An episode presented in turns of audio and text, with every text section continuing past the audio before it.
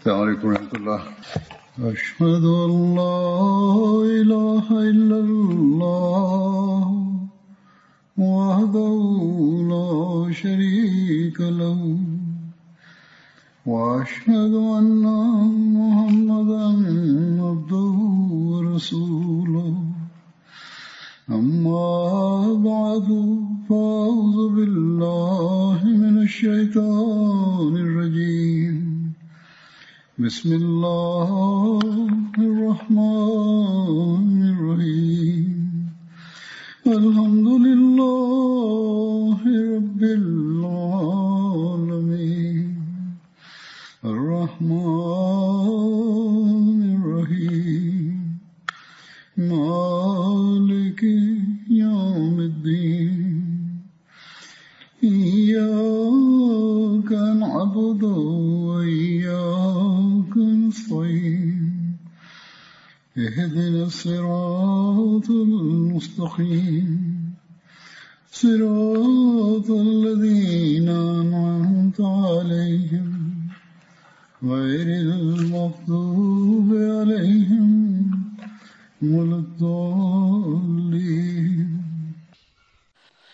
2022ခုနှစ်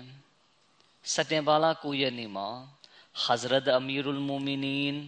Khalifatul Masih Al-Khamis Ayadahullah Ta'ala bin Nasr Aziz ပြစ်မခလီဖာတခင်ကြီးကပြည်ထိုင်နိုင်ငံအစ္စလာမာဘတ်တယ်ဖိုရှိမူဘာရက်ဘလီဝေကျောင်းမှာဂျမာခွတ်ဘာမကြားခဲ့ပါတယ်။အဲဒီခွတ်ဘာမှာခလီဖာတခင်ကြီးကယခင်ပတ်စဉ်တင်ပြလျက်ရှိခဲ့တဲ့ခွလ်ဖာရာရှီဒီန် တမန်တော်မြတ်ကြီးဆလလောလ္လဟ်အလัยဟိဝါစလမ်ရဲ့ခလီဖာကြီး၄ပါးတဲ့က Hazrat Abu Bakr Siddiq ရဒီအလာဟူအန်ဟူတခင်ရဲ့အကြောင်းကိုဆက်လက်မကြားတင်ပြခဲ့ပါတယ်ခလီဖာတခင်ကြီးမိန့်ကြားတော်မူသည်မှာအဘူဘကာစစ်ဒီကရဒီအလာဟူအန်ဟူတခင်လက်ထက်ကဖြစ်ရတဲ့ချို့ကိုတင်ပြပါမယ်အဘူဘကာတခင်ကွယ်လွန်ဖို့အချိန်နီးကပ်လာတဲ့အခါတခင်ကအဗ်ဒူရဟ်မန်ဘင်အော့ဖ်တခင်ကိုဆင့်ခေါ်လိုက်ပါတယ် ပြီးနောက်အဘူဘကာတခင်ကကျွန်ုပ်အားအိုမာနဲ့ပတ်သက်လို့အသင့်အမြင်ကို ပြောပြပါဆိုပြီးမိန့်ကြားပါတယ်အဗ်ဒူရဟ်မန်ဘင်အော့ဖ်တခင်ကအိုတမန်တော်မြတ်၏ခလီဖာအိုမာတခင်ကတခင်ထင်မြင်ယူဆသည့်ထက်ပင်ပိုမိုပြီးအစဉ်တန်းမြင်မာသောပုဂ္ဂိုလ်ဖြစ်ပါသည်သူ၏စိတ်တဘာဝတွင်ခတ်ထန်မှုရှိသည်ကတော့မှန်ပါသည်ဆိုပြီးတော့မှန်ပါသည်ဆိုပြီးပြောပြပါတယ်အဘူဘကာတခင်ကလည်း အိုမာတွင်ခတ်ထန်မှုရှိရခြင်းမှာသူကကျွန်ုပ်၌နူးညံ့တိမ်မွေးမှုကို တွေ့ရသောကြောင့်ဖြစ်သည်သူသာခေါင်းဆောင်ဖြစ်လာမည်ဆိုလျှင် သူ၌ရှိသည့်များစွာသောအကြောင်းကိစ္စများကိုဆွန့်လွတ်လိုက်ပါလိမ့်မည်အကြောင်းဆိုသောကျွန်ုပ်ကတစုံတစ်ယောက်ကိုခတ်ထန်စွာဆက်ဆံသည်ဆိုလျှင်အိုမာကထိုလူနှင့်ကျွန်ုပ်ကြားတွင်တင့်တင့်ပြင်းငိမ့်မှုရရှိဖို့ကျွန်ုပ်ကထိုလူကိုကျေနပ်နှစ်သက်ဖို့ကြိုးစားလေရှိသည်ကိုကျွန်ုပ်တွေ့ရသောကြောင့်ဖြစ်သည် ကျွန်ုပ်ကတစုံတစ်ယောက်ကိုနူးညံ့စွာဆက်ဆံသည်ဆိုလျှင်အိုမာကကျွန်ုပ်အားထိုသူအပေါ်ခတ်ထန်စွာဆက်ဆံရန်တိုက်တွန်းသည်ဆိုပြီးမိန့်ကြားပါတယ်။အဲဒီနောက်အဘူဘကာတခင်ကဥစမန်ဘင်အဖန်တခင်ကိုဆင့်ခေါ်လိုက်ပြီးအိုမာတခင်ကိုဘယ်လိုမြင်တယ်လဲဆိုပြီးမေးပါတယ်။ဥစမန်တခင်ကအိုမာရီအတွင်းပိုင်းသည် အပြင်ပိုင်းထက်ပိုမိုကောင်းမြတ်ပါသည်။ကျွန်ုပ်တို့ထဲတွင်အိုမာကဲ့သို့မိသူမျှမရှိပါဆိုပြီးဖြေကြားပါတယ်။ အဲဒီခါအဘူဘကာတခင်ကဒီတာဝကတော်နှစ်ပါးစလုံးကိုကျွန်ုပ်ကအသင်တို့နှစ်ဦးနဲ့မေးမြန်းတိုင်ပင်သည့်ကိစ္စကိုမိသူကိုမျှမပြောပါနဲ့အကယ်၍ကျွန်ုပ်ကအူမာကိုခေါင်းဆောင်မခန့်ခဲ့လျင်ဥစမန်ကိုကြော်သွားမည်မဟုတ်ပါအသင်တို့၏အရေးကိစ္စတွင်မိတို့သောယွန်နေချက်မှမရှိအောင်ဥစမန်ကစွမ်းဆောင်ပေးလိမ့်မည်ယခုမူကျွန်ုပ်သည်အသင်တို့၏အရေးကိစ္စများမှဖဲခွာရန်ဆန္ဒရှိပါသည်ဆိုပြီးမိန့်ကြားပါတယ် အဘူဘကာတခင်နာမကျမ်းဖြစ်နေတဲ့ရက်တွေမှာတလဟာဘင်အိုဘိုင်ဒူလာတခင်ကရောက်ရှိလာပြီးအဘူဘကာတခင်အားတခင်ကအူမာကိုခလီဖာဖြစ်ခန့်လိုက်ပြီလားအမှန်အဖြစ်တခင်ရှိနေချိန်မှာတောင်ဥမာကလူတို့အားမိတို့မိပုံဆက်ဆံသည်ကိုတခင်အတိဆုံးဖြစ်ပါသည်တခင်မရှိတော့ဘဲသူတဦးတည်းသာရှိချိန်မှာမိတို့အခြေအနေရှိပါမည်နီထိုအခါလက်မြက်ကတခင်အား တိုင်သူပြည်သားများနှင့်ဆက်လင်း၍မင်းမြန်းစစ်ကြောလျင်တခင်မိတို့အဖြေပေးမည်နီဆိုပြီးမေးပါတယ်အဘူဘကာတခင်ကလည်းကျွန်ုပ်အားအမိတွဲပြီးပြီးထိုင်ခွင့်ပြုပါဆိုပြီးမိန့်ကြားပါတယ်။တခင်ကအဲ့ဒီချိန်ကလှဲလျောင်းနေတာဖြစ်တဲ့အတွက်မိမိကိုထူမှတ်ပေးပြီးထိုင်စေဖို့ပြောခြင်းဖြစ်ပါတယ်။အဘူဘကာတခင်ကထိုင်လိုက်ပြီးနောက်တင်ကကျွန်ုပ်ကိုအလရှမြတ်နဲ့ချင်းချောက်နေခြင်းပါလို့ကျွန်ုပ်ဤဖန်ဆင်းရှင်နဲ့တွေ့ဆုံလင် အရှင်မြတ်ကကျွန်ုပ်အားမေးမြန်းစစ်ကြောသောအခါကျွန်ုပ်ဤသို့အဖြေပေးပါမည်ကျွန်တော်မျိုးသည်အရှင်မြတ်၏ဖန်ဆင်းကံစေတော်လူသားများနှင့်အကောင်းမွန်ဆုံးသောလူကိုအရှင်အစေတော်များအားအုပ်ချုပ်ရန်ခန့်အပ်ခဲ့ပါသည်ဆိုပြီးမိန့်ကြားပါတယ်ဒီကြောင့်နဲ့ပတ်သက်ပြီးမွတ်စလင်မော်ဦးရဒီအလာဟူအန်ဟူတခင်မိန့်ကြားပါတယ်အဘူဘကာတခင်ကွယ်လွန်ခြင်းနီးကပ်လာသောအခါတခင်ကတာဝကတော်များနှင့် တိုင်ပင်နှီးနှောပါသည်တခင်ကကျွန်ုပ်သည်မိသူကိုခလီဖာခန့်အပ်ရမည်ကိုအကြံပြုကြကုန်ဟု၍ပြော၏တာဝကတော်အများစုကအိုမာတခင်အားခလီဖာခန့်အပ်ရန်မိမိတို့၏အကြံဉာဏ်များကို တင်ပြကြသည်အချို့တာဝကတော်များကအိုမာတခင်၏စိတ်တဘာဝမှာခတ်ထန်မာကျောသည့်သဘောရှိသောကြောင့်လူတို့ပေါ်ပြင်းထန်စွာဆက်ဆံမိကိုစိုးရင်ကြောင်းပြောကြသည်ထိုအခါဘူဘကာတခင်က အူမာကထိုသို့ခတ်ထန်ရခြင်းမှာသူ့ပေါ်တောင်းဝင်မကြလာသောကြောင့်သာဖြစ်သည်အကယ်၍ယခုသူ့ပခုံးပေါ်သို့တောင်းဝင်ကြလာပြီးဆိုလျင်သူ့တွင်း၌ရှိသော ပြင်းထန်မှုကိုလည်းထိမ့်ချုပ်နိုင်သည့်အခြေအနေသို့ရောက်ရှိလာပေလိမ့်မည်ဟု၍မိန့်ကြားပါသည်ထို့သောဖြင့်တာဝကတော်များအားလုံးတို့ကအိုမာတခင်ခလီဖာဖြစ်လာမည့်အရေးကိုသဘောတူလက်ခံခဲ့ကြသည်အဘူဘကာတခင်ကျမ်းမာ၏အခြေအနေမှာလွန်စွာပြင်းထန်လာပြီးဖြစ်ရာ တခင်ကမိမိဇနီးအစမာတခင်မကို အမိတွယ်ပြုလျက်မစဂျစ်ဝေချောင်းသို့ရောက်လာခဲ့သည်အာရင်နေပါမှုကြောင့်လမ်းလျှောက်ရင်းနဲ့တခင်၏ခြေထောက်နှင့်လက်များမှာတုန်ခါနေသည်ထို့နောက်မစဂျစ်တွင်ရှိကြသောမွတ်စလင်အားလုံးကိုရည်ညွှန်းလျက်ကျွန်ုပ်သည်ရများစွာကြအောင်ဇက်တိုက်စဉ်းစားနေခဲ့သည့်အကြောင်းအရာတစ်ခုရှိသည်ယင်းမှာအကယ်၍ကျွန်ုပ်ကွယ်လွန်သွားပြီဆိုလျှင် မိသူခလီဖာဖြစ်မည်နည်းဆိုသည့်ကိစ္စပင်ဖြစ်သည်နောက်ဆုံးတွင်ကျွန်ုပ်အသေးချာစဉ်းစားပြီးနောက်အိုမာကိုခလီဖာဖြစ်ခံထားခဲ့လျင်ကောင်းမည်ဟုသောအဖြေကိုရရှိခဲ့ပါသည်ထို့ကြောင့်ကျွန်ုပ်ကွယ်လွန်ပြီးနောက်တွင်အိုမာကအသင်တို့၏ခလီဖာဖြစ်လာပါလိမ့်မည်ဟုမိန့်ကြားလေသည်မစဂျစ်ဝေချောင်းတွင်ရှိသောတာဝကတော်များအားလုံးကလည်းအိုမာတခင်ခလီဖာဖြစ်လာမည့်ကိစ္စကိုသဘောတူလက်ခံခဲ့ကြသည် ထို့သောဖြင့်အဘူဘကာတခင်ကွယ်လွန်ပြီးနောက်မွတ်စလင်အားလုံးတို့ကအိုမာတခင်ထံတွင်ဘိုင်ယတ်ယူခဲ့ကြသည်ဒီအကြောင်းကိုမွတ်စလင်မော်ဦးရဒီအလာဟူအန်ဟူတခင်ကတခြားတနေရာမှာဖော်ပြထားပါသေးတယ်အဘူဘကာတခင်ကမိမိမရှိတော့တဲ့နောက်ဘာကြောင့်အိုမာတခင်ကိုခလီဖာဖြစ်ခန့်အပ်ဖို့အဆိုပြုခဲ့ရတာလဲဆိုတဲ့အကြောင်းကိုရှင်းပြလျက်မွတ်စလင်မာဦးရဒီအလာဟူအန်ဟူတခင်ကမိန့်ကြားပါတယ်လူအုပ်စုတစ်ခုတွင်ပါဝင်သော လူအားလုံး၏ရွေးချယ်မှုဖြစ်တာတဦးတယောက်ကခလီဖာဖြစ်နိုင်သည်ဆိုလျှင်အဘူဘကာတခင်ကအူမာတခင်ကိုခလီဖာခန့်အရန်အဘဲကြောင့်နာမည်အဆိုပြုခဲ့ရပါသည်။ယင်းတွက်အဖြေကအဘူဘကာတခင်ကအူမာတခင်ကိုမိမိသဘောတစ်ခုတည်းနဲ့အဆိုပြုခဲ့ခြင်းမဟုတ်ပဲဥစွာတာဝကတော်များနှင့်တိုင်ပင်ဆွေးနွေးပြီးအကြံဉာဏ်ယူခဲ့ပါသည်။ကွာခြားသည်က အခြားခလီဖာများကို ရှေ့ကခလီဖာကွယ်လွန်ကမှရွေးချယ်တင်မြှောက်ခဲ့ခြင်းဖြစ်ပြီးအိုမာတခင်ကိုမူအဘူဘကာတခင်ရှိနေစဉ်မှာပင်ရွေးချယ်ခဲ့ခြင်းဖြစ်သည်ထို့ပြင်အဘူဘကာတခင်ကထိုများနှင့်ရက်တန့်ခြင်းမရှိဘဲဆိုလိုသည်မှာအဘူဘကာတခင်ကတာဝကတော်တချို့နှင့်တိုင်ပင်ပြီးနောက်အိုမာတခင်ကို ခလီဖာခန့်အကြောင်းကြေညာခဲ့ခြင်းမဟုတ်ချေအမှန်အဖြစ်အဘူဘကာတခင်သည်လွန်စွာနာမကျန်းဖြစ်နေပြီး အာရင်ချိနဲ့နေလင့်ကစားမိမိဇနီးကို အမိတွဲပြုတ်ပြီးမစဂျစ်ဝစ်ချောင်းသို့ရောက်ရှိလာခဲ့သည်ပြီးနောက်သခင်ကမစဂျစ်အတွင်း၌ရှိနေကြသူများကိုအိုးလူပေါင်းတို့ကျွန်ုပ်ဒီတာဝကတော်များနှင့်တိုင်ပင်ပြီးကျွန်ုပ်၏နောက်တွင်ခလာဖတ်အရိုက်ရာကိုစက္ခံမိသူဖြစ်အိုမာကိုနှစ်သက်ပါသည်အသင်တို့ကရောသူ၏ခလာဖတ်ကိုလက်ခံကြပါသလောဟုမေးရာအားလုံးတို့ကလည်း နှစ်သက်လက်ခံကြောင်းတညီတညွတ်ထဲဆိုခဲ့ကြသည်ဤသို့အားလုံး၏ထောက်ခံချက်ကိုရယူခြင်းမှာလည်းတနည်းအားဖြင့်အသွင်တစ်မျိုးဖြင့်ပြုလုပ်သောခေလာဖတ်ရွေးချယ်မှုပင် ဖြစ်သည်အဘူဘကာတခင်နာမကျမ်းဖြစ်ရခြင်းနဲ့နာမကျမ်းဖြစ်စဉ်မှာဝစီယတ်မှာရန်ပြုခဲ့တဲ့အကြောင်းနဲ့ပတ်သက်ပြီးတဘရီတမိုင်းချမ်းမှာဖော်ပြလာရှိပါတယ်အဲ့ဒီမှာအဘူဘကာတခင်ဘယ်လိုနာမကျမ်းဖြစ်ခဲ့ပြီး အဲ့ဒီကတဆင့်ဘယ်လိုကွယ်လွန်ခဲ့သလဲဆိုတဲ့အကြောင်းကိုခုလိုဖော်ပြထားပါတယ်အဘူဘကာတခင်နာမကျမ်းဖြစ်ရသည့်အကြောင်းမှာဂျမာဒီအလ်အာခီရလာတနင်္လာနေ့တွင်တခင်က ရေချိုးသည်ထိုကာလကအလွန်ချမ်းရည်သောစောင်းရာသည်ဖြစ်သည်ထို့သောအလွန်အေးချမ်းသောစောင်းရာသည်မှာရေချိုးလိုက်မိသောကြောင့်အဘူဘကာတခင်လွန်စွာဖျားနာလေသည်ယင်းတို့ဖျားနာမှုမှာ15ရက်တိုင်ကြာမြင့်ခဲ့သည် ထို့သောဖြင့်တခင်သည်နမတ်ဦးဆောင်ဝတ်ပြုရန်မစဂျစ်ဝတ်ကျောင်းသို့လာပါတော့လဲလာနိုင်စွမ်းပင်မရှိတော့ကြထို့ကြောင့်တခင်ကအိုမာတခင်ကိုနမတ်ကိုပုံမှန်ဦးဆောင်ဝတ်ပြုနေဖို့မှားကြားလိုက်သည်လူတို့ကလည်းတခင်အားလူမမာသတင်းမေးရန်လာရောက်ကြသည်တို့ရာတွင်သခင်ကျမ်းမာရေးအခြေအနေက နေ့စဉ်နဲ့အမျှဆိုးရွားလာခဲ့သည်ထိုစဉ်ကအဘူဘကာသခင်ကိုတမန်တော်မြတ်ပေးရခဲ့သည့်အိမ်၌အဘူဘကာသခင်က နေထိုင်လျက်ရှိပါသည်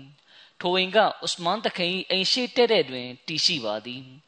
နာမကျမ်းဖြစ်နေစဉ်အများအားဖြင့်သခင်ကို ပြုစုစောင့်ရှောက်သူမှာဥစမန်သခင်ဖြစ်သည်သခင်က15ရက်တိုင်နာမကျမ်းဖြစ်နေခဲ့သည်တစုံတယောက်ကသခင်အားသခင်အနေနဲ့တမားတော်ကိုခေါ်ပြီးပြတ်တလျင်ပိုကောင်းပါမည်ဟုအကြံပြုရာအဘူဘကာသခင်ကတမားတော်နှင့်ကျွန်ုပ်ပြတ်တပြီးပါပြီဟုမိန့်ကြား၏လူတို့ကလည်းတမားတော်ကသခင်ကိုဘာပြောသနည်းဟုမေးလျင် အဘူဘကာသခင်ကအင်နီအဖအလုကမာအရှာဦးငါသည်မိမိအလိုရှိရာကိုလှုပ်ဆောင်သည်ဟု ပြောပါသည်ဟု၍မိန့်ကြားလေသည်အခြားဆင့်ပြန်ချက်တစ်ခုမှလာရှိကြရာအဘူဘကာတခင်နာမကျမ်းဖြစ်တဲ့အခါလူတို့ကတခင်အတွက်တမားတော်ကိုခေါ်လိုက်ရမလားဆိုပြီးမေးတဲ့အခါအဘူဘကာတခင်ကတမားတော်ကကျွန်ုပ်ကိုကြည်ပြီးသွားပါပြီတမားတော်က အင်နီဖအာလွန်လီမာအူရီဒ်ငါသည်မိမိအလိုရှိရာကို မလွဲမသွေလုံနိုင်စွမ်းသည်ဟု၍ပြောပါသည်ဆိုပြီးမိန့်ကြားပါတယ်ဆိုလိုတာကဘယ်တမားတော်ကိုမှပြเสียမလိုပါဘူးအလရှမြတ်ကမိမိအလိုရှိရာကိုလှုပ်ဆောင်တော်မူပြီးမိမိထံသို့သာခေါ်ဖို့ရာဆန္ဒရှိတော်မူတယ်။အဘူဘကာတခင်ကဂျမာဒီအလ်အာခီရလာဟီဂျရီတက္ကရာ73ခုနှစ် အင်္ဂါနေ့ညနေတက်တော်63နှစ်အရွယ်မှာကွယ်လွန်အနိစ္စရောက်ခဲ့ပါတယ်။တခင်ရဲ့ခီလာဖတ်တက်တန်းကနှစ်နှစ်3လနဲ့10ရက်ကြာမြင့်ခဲ့ပါတယ်။အဘူဘကာတခင်မကွယ်လွန်မီနောက်ဆုံးတစ်ဖွားဖွားရွတ်ဆိုနေခဲ့တာကတော့ကျမ်းမြတ်ကုရ်အန်ထဲကအာယတ်တစ်ခုဖြစ်ပါတယ်အဲ့ဒီအာယတ်ကတော့ tawafani musliman wa alhikni bis salihin ကျွန်တော်မျိုးအားနာခံသည့်အခြေအနေတွင်တေဆုံးစေတော်မူပါ ထို့ပြင်ကျွန်တော်မျိုးအားသူတော်စင်များ၏အုပ်စုတွင်ပါဝင်စေတော်မူပါဆိုတာပဲဖြစ်ပါတယ်အဘူဘကာတခင်ကမိမိဝတ်ဆင်တဲ့လက်စွပ်မှာဝနိအမလ်ကာဒီရူလာအလရှမြတ်သည်အပေမြတကူတော်အနန္တနှင့်ပြည့်စုံသည့်အရှင်ဘာနီဆိုပြီးရေးထိုးထားပါတယ်အဘူဘကာတခင်ကမိန့်ကြားကြောင်းဖြင့်အာယရှာတခင်မှဆင့်ပြန်ပြောပြပါတယ်ကျွန်ုပ်အားမြေမြုပ်ဒဖနာပြီးနောက် ကျွန်ုပ်ပေးရမည့်အရာတစ်ခုခုများကြံနေသေးသလားဆိုသည်ကိုစစ်ဆေးကြည့်ရှုပါဆိုလိုတာကအိုမာတခင်ကိုပေးရမယ့်အရာတွေကိုပေးပြီးနောက်မှာနောက်ထပ်ဘယ်အရာတွေပေးဖို့ကြံနေသေးသလဲဆိုတာကြည့်ပါထို့နောက်ပေးဖို့ကြံသည့်အရာတွေကိုလည်းဥမာကိုပေးလိုက်ပါမိမိအားဒဖနာပြုမြေမြုပ်ရမယ့်အကြောင်းနဲ့ဆက်နွယ်ပြီးအဘူဘကာတခင်ကအခုလိုမိန့်ကြားကြောင်းဖြစ်အာယရှာတခင်မကဆင့်ပြန်ပြောပြပါတယ် ယခုကျွန်ုပ်၏ခန္ဓာကိုယ်ပေါ်တွင်ဝစ်ဆင်ထားသောအဝတ်စားကိုရှော့ဖွတ်လျက်ထိုရှော့ဖွတ်ပြီးအဝတ်ကိုကျွန်ုပ်အားပြန်ဝတ်ပေးကထိုအဝတ်နှင့်ပင်မြေမြုပ်လိုက်ပါထိုအခါကျမအိုက်ရှာကထိုအဝတ်မှာဟောင်းနေပါပြီကဖန်ပိတ်ထုတ်ပိုးရန်အတွက်အဝတ်သစ်ဖြစ်တင်ပါသည်ဟုလျှောက်ထားရာအဘူဘကာတခင်ကရှင်တန်နေသူကတေသူထက်ပိုပြီးအဝတ်စားအသစ်နဲ့ထိုက်တန်ပါသည်ဟုမိန့်ကြားလေသည် အိုင်ရှာတခင်မကဆင့်ပြန်ပါတယ်အဘူဘကာတခင်ကဝစီယတ်ပြုခဲ့သည်မှာတခင်၏ဇနီးဖြစ်သည့်အစမာဘင်တေအိုမိုက်စ်ကတခင်ကွယ်လွန်သောအခါရေချိုးပေးရမည်ထို့နောက်အဘူဘကာတခင်၏သားတော်အဗ်ဒူရာဟ်မန်ကဖခင်အတွက်မြေမြုပ်ဒဖနာရေးကိစ္စများတွင်ပူးပေါင်းဆောင်ရွက်သည်တခင်အတွက်ကဖန်ပိတ်နှစ်ခုကိုအသုံးပြုပြီးတစ်ခုကရေချိုးရန်အတွက်အသုံးပြုသည်စင့်ပြန်ချက်မှာလာရှိချက်အရာကဖန်ပိတ်သုံးတယ်နဲ့ အဘူဘကာတခင်ရဲ့ရုပ်ကလပ်ကို ထုတ်ပိုးပေးပါတယ်အဲ့ဒီနောက်တခင်ကိုတမန်တော်မြတ်ဆလ္လာလဟ်အလัยဟ်ရဲ့အခင်းပေါ်မှာတင်ထားပါတယ်အဲ့ဒီအခင်းဖြာပေါ်မှာပဲအိုင်ရှာသခင်မကအိတ်ဆက်လေးရှိပါတယ်အဲ့ဒီဖြာပေါ်ကနေပဲအဘူဘကာသခင်ရဲ့ဂျနာဇာရုပ်ကလပ်ကိုတည်ယူခဲ့တာဖြစ်ပါတယ်အဘူဘကာသခင်ရဲ့ဂျနာဇာကိုတမန်တော်မြတ်ဆလလောလဟ်အလိုင်းရဲ့ကဘာအုပ်ကူနဲ့ကိုရောဟောပြောလေးရှိတဲ့ဆင်မြင့်ရဲ့ဂျားနေရာမှာဝတ်ပြုခဲ့ပါတယ် ပြီးနောက်သခင်ကိုညချိန်မှာတမန်တော်မြတ်ကိုမြုပ်နှံရနေရာရဲ့ဘေးမှာမြုပ်နှံခဲ့ပါတယ်သခင်ရဲ့ဦးခေါင်းကိုတမန်တော်မြတ်ရဲ့ပခုံးတော်ဘေးမှာထားခဲ့ပါတယ်အဘူဘကာသခင်ကိုမြေမြုပ်တဲ့အခါဥမာသခင်ဥစမန်သခင်တလဟာဘင်အိုဘိုင်ဒူလာအဗ်ဒူရဟ်မန်ဘင်အဘူဘကာစသူတို့ကကျင်းထဲသို့ဆင်းခဲ့ကြပြီးမြုပ်နှံပေးခဲ့ကြပါတယ်ဥမာတခင်ကအဘူဘကာတခင်ကိုညချိန်မှာမြေမြုပ်ဒဖနာပေးခဲ့ကြောင်း အစ်ဘနီရှာဟဘ်ကဆင့်ပြန်ထားပါတယ်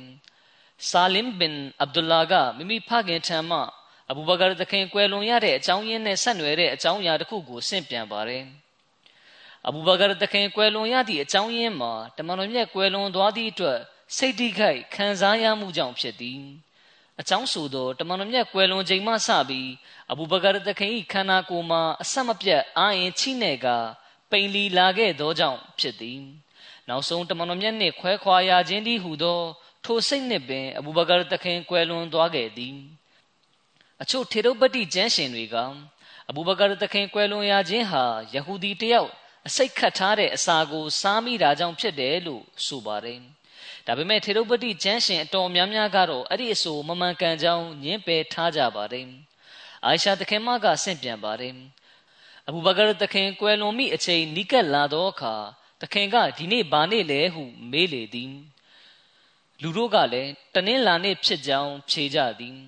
အဘူဘကာတခင်ကအကယ်၍ကျွန်ုပ်ယနေ့ကွယ်လွန်သွားမည်ဆိုလျှင်မနှက်ဖြန်ထိမဆောင်ပါနှင့်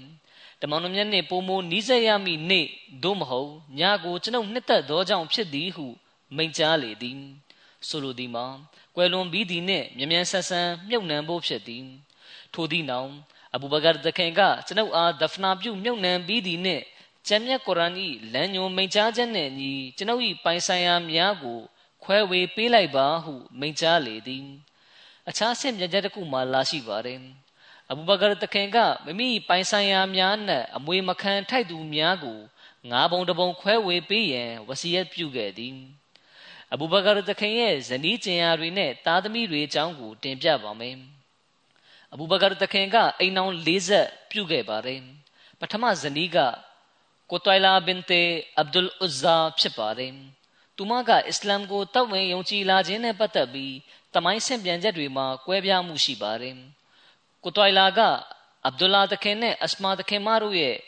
မိခင်ဖြစ်ပါတယ်အဘူဘကာတခင်ကသူမကိုအမိုက်ခင်မှာပင်ကွာရှင်းပြက်ဆဲထားပြီးဖြစ်ပါတယ်တခါမှသူမကမဒီနာရှိမိမိရဲ့တမီးဖြစ်သူကို အစမာတခင်မအားဒိန်နဲ့စားစရာအချို့ကိုလက်ဆောင်ပေးပါတယ် ဒါပေမဲ့အစမာတခင်မကအဲ့ဒီလက်ဆောင်ကိုမယူနိုင်ကြောင်းညင်းပယ်တဲ့အပြင်အိမ်ထဲသို့လည်းအဝင်မခံခဲ့ပါဘူးဒီလိုကြောင့်အိုင်ရှာတခင်မထံသို့ဒီကိစ္စနဲ့ပတ်သက်ပြီးဘယ်လိုဆောင်ရွက်ရမလဲဆိုတာတမန်တော်မြတ်ကိုမေးကြည့်ပေးပါဆိုပြီးသတင်းပို့လိုက်ပါတယ်။အိုင်ရှာသခင်မကလည်းအစမာသခင်မရဲ့မိခင်လာပြီးလက်ဆောင်ပေးပါသည်။သို့တော့အစမာကမိခင်ထံမှလက်ဆောင်ကိုလည်းမယူသလိုမိခင်ကိုလည်းအိမ်ထဲဝင်ခွင့်မပေးပါ။ ထိုကိစ္စနဲ့ဆက်လင်း၍ကိုရော်မီတို့သဘောရပါသနည်းလမ်းညွန်ပါဆိုပြီးတင်ပြလျှောက်ထားပါတယ်။ဒီခါတမန်တော်မြတ်ကသူမကိုအိမ်ထဲဝင်ခွင့်ပေးပါ။သူမထံမှလက်ဆောင်ကိုလည်းလက်ခံပါဆိုပြီးလမ်းညွန်မိန့်ကြားခဲ့ပါတယ်အဘူဘကာတခင်ရဲ့ဒုတိယဇနီးကတော့အုမ်မေရိုမန်ဘင်တေအာမီရဖြစ်ပါတယ်သူမကဘနူကင်နာနာဘင်ခိုဇိုင်မာလူမျိုးစုတွေကဖြစ်ပါတယ်သူမရဲ့ပထမခင်မွန်ဟာရစ်ဘင်ဆခဘရာက မကာမြို့မှာကွယ်လွန်သွားခဲ့ပါတယ်ခင်မွန်ကွယ်လွန်ပြီးနောက်သူမကဘူဘကာတခင်နဲ့လက်ထပ်ထိမ်းမြားခဲ့ပါတယ်တခင်မကအစ္စလမ်ခေဦးကာလမှာပင်အစ္စလမ်သာသနာကိုတောက်ဝင်ယုံကြည်ခဲ့သူဖြစ်ပြီးတမန်တော်မြတ်ထံမှာဘိုင်သစ္စာခံယူခဲ့ပါတယ်။အဲဒီနောက်သူမကမဒီနာသို့ဟစ်ဂျရတ်ပြုပြောင်းရွှေ့ခဲ့ပါတယ်။သူမထံကနေအဗ်ဒူရာနဲ့အိုင်ရှာတခင်မတို့ဖွားမြင်ခဲ့ပါတယ်။ သူမကဟစ်ဂျရီတက္ကရာ6ခုနှစ်မှာမဒီနာမြို့၌ကွယ်လွန်ခဲ့ပါတယ်။တမန်တော်မြတ်ကိုယ်တိုင်ကကျင်းနေဆင်ပြီးသူမကိုမြုပ်နှံပေးခဲ့တဲ့အပြင်သူမအတွက်မဂ်ဖီရတ်တနာကျင်နာခွင့်လွှတ်မှုကိုရရှိဖို့ဒဝါစုပန်ပေးခဲ့ပါတယ်အဘူဘကာတခင်ရဲ့တတိယဇနီးကအစမာဘင်တေအိုမိုက်စ်ဘင်မာဘတ်ဘင်ဟာရစ်ဖြစ်ပါတယ်သူမရဲ့မိသားစုမျိုးရိုးနာမည်ကအူမေအဗ်ဒူလာဖြစ်ပါတယ် သူမက မကာမှာရှိစဉ်မွတ်စလင်တွေဒါရုလ်အာကမ်ကိုသာသနာရေးရာဌာနချုပ်ဖြစ်မပြုလုပ်ခင်မှာကတည်းကအစ္စလာမ်သာသနာကိုတတ်ဝင်ယုံကြည်လျက်တမန်တော်မြတ်ထံမှာဘာယတစ္ဆာခံယူခဲ့သူဖြစ်ပါတယ်။သူမကဂန္နဦးဟိဂျရတ်ပြုလုပ်ကြသူတွေထဲကတဦးဖြစ်ပါတယ်။သူမကမိမိရဲ့ခင်မွန်းဂျာဖာဘင်အဘူတာလစ်နဲ့အတူဟပ်ရှာဘတ်သို့ဟိဂျရတ်ပြုခဲ့ပါတယ်။အဲဒီနောက်ဟိဂျရီတက္ကရ9ခုနှစ်မှာမဒီနာသို့ဟိဂျရတ်ပြုခဲ့ပါတယ်။ ဟိဂျရီတက္ကရ10ခုနှစ်မှာမောတာစစ်ပွဲ၌ဂျာဖာတခင်ရှိတ်ဖြစ်တဲ့အခါအဘူဘကာတခင်ကအစမာတခင်မကိုလက်ထပ်ထိမ်း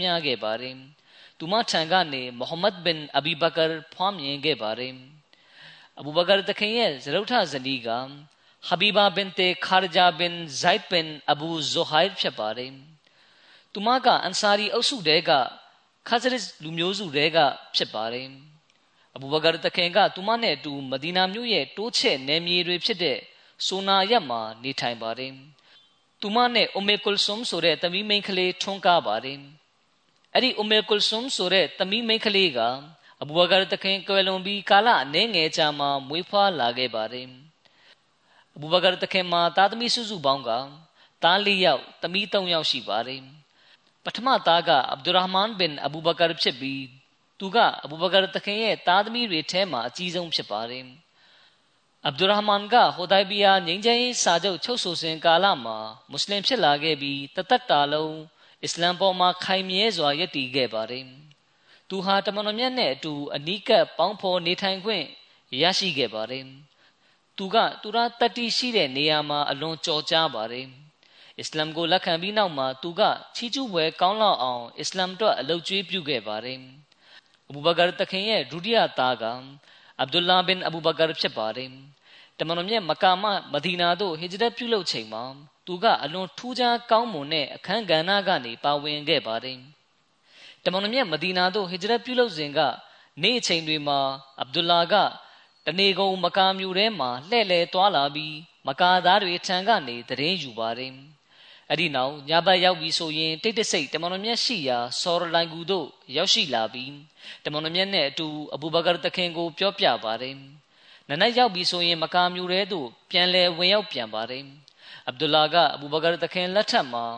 ဖြစ်ပွားတဲ့တာအိဖ်စစ်ပွဲမှာမြားမှန်ပြီးအဲ့ဒီမြားဒဏ်ရာကမတတ်တာပဲရှိခဲ့ပါတယ်နောက်ဆုံးအဲ့ဒီမြားဒဏ်ရာကြောင့်ပဲအဘူဘကာတခင်ရဲ့ခလာဖတ်ကာလမှာကွယ်လွန်ခဲ့ပါတယ် အဘူဘကာတခင်ရဲ့တတိယသားကမိုဟမ္မဒ်ဘင်အဘူဘကာဖြစ်ပါတယ်သူကအစမာဘင်တေအိုမိုက်စ်နဲ့ထွန်းကားတဲ့သားဖြစ်ပါတယ်ဟဂျဒ်လ်ဝေဒါအခွင့်အခါမှာဇူလ်ဟူလိုက်ဖာဒေတာ၌မိုဟမ္မဒ်ဘင်အဘူဘကာမွေးဖွားခဲ့ပါတယ်။သူကအလီတခင်ရဲ့ပြုစုပြောထောင်မှုနဲ့ကြီးပြင်းလာသူဖြစ်ပါတယ်။သူကိုအလီတခင်ကမိမိရဲ့ခလာဖတ်ကာလမှာအီဂျစ်ပြည်ရဲ့ဘယင်ခံဖြစ်ခန့်အပ်ခဲ့ပါတယ်။သူကအီဂျစ်ပြည်မှာတင်အသက်ခံခဲ့ရပါတယ်။ အချို့ဆင့်ပြန်ချက်တွေမှာဥစမန်တခင်ကိုလောက်ကျန်တပ်ဖြတ်မှုထဲမှာပါဝင်တာကြောင့်နောက်ပိုင်းမှာသူ့ကိုကွပ်မျက်ခဲ့တယ်လို့ဆိုပါတယ်။ပြီးသို့ဆိုစေအလရှမြတ်သားလင်အကောင်းဆုံးသိရှိတော်မူပါတယ်အဘူဘကာသခင်ရဲ့သားသမီးတွေထဲမှာဇရုဒ္ဓခလေးကတော့အစမာဘင်တေအဘူဘကာဆိုတဲ့သမီးမိန်းကလေးဖြစ်ပါတယ်သူမကိုဇာတုလ်နတာကိုင်းဆိုတဲ့ဘွဲ့နာမနဲ့ကင်မွန်တက်ခေါ်ကြပါတယ်သူမကအိုင်ရှာသခင်မထက်အသက်အဖြစ်ကြီးပါတယ် ဇာတုလ်နတာကိုင်းဆိုတာက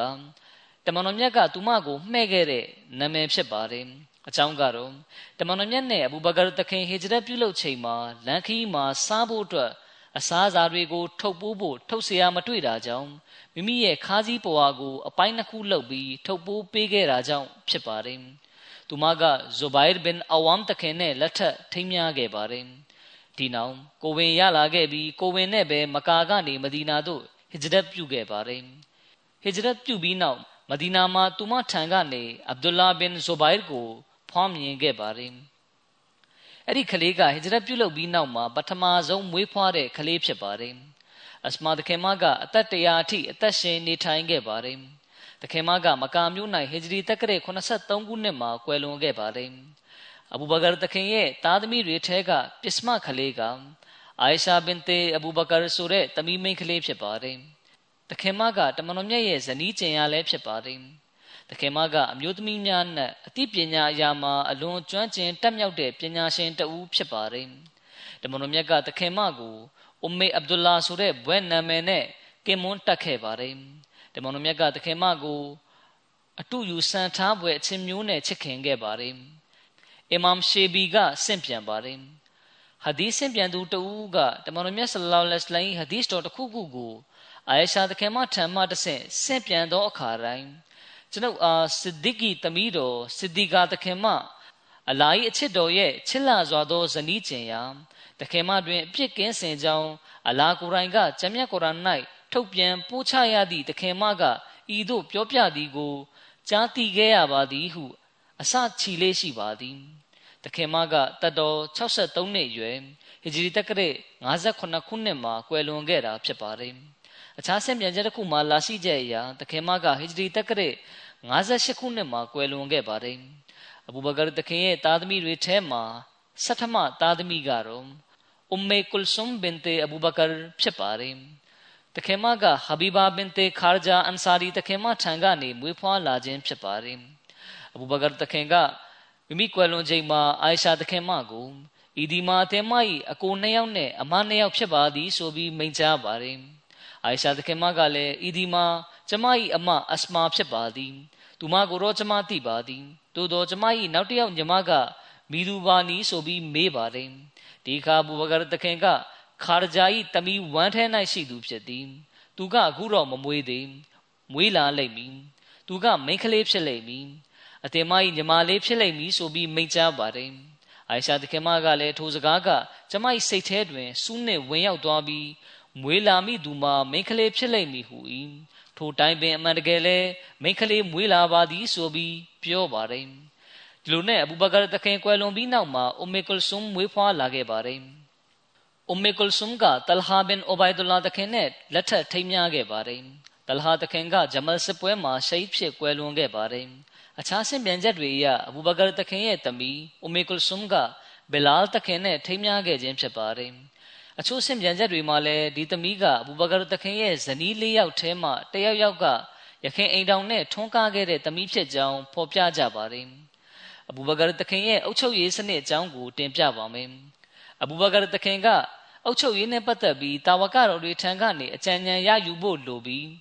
ဓမ္မတက်မှုတွေထံကနေအကြံဉာဏ်ရယူဖို့လိုပြီးဆိုရင်ဒါမှမဟုတ်အုတ်ချုပ်ရေးပိုင်းနဲ့ပတ်သက်ပြီးတိုင်ပင်ဖို့လိုအပ်လာပြီးဆိုရင်ဝဟာဂျီတာဝကတော်တွေနဲ့အန်ဆာရီတာဝကတော်တွေထဲကအူမာတခင်ဥစမန်တခင်အလီတခင်အဗ်ဒူရဟ်မန်ဘင်အော့ဖ်မာအာစ်ဘင်ဂျဘလ်တခင်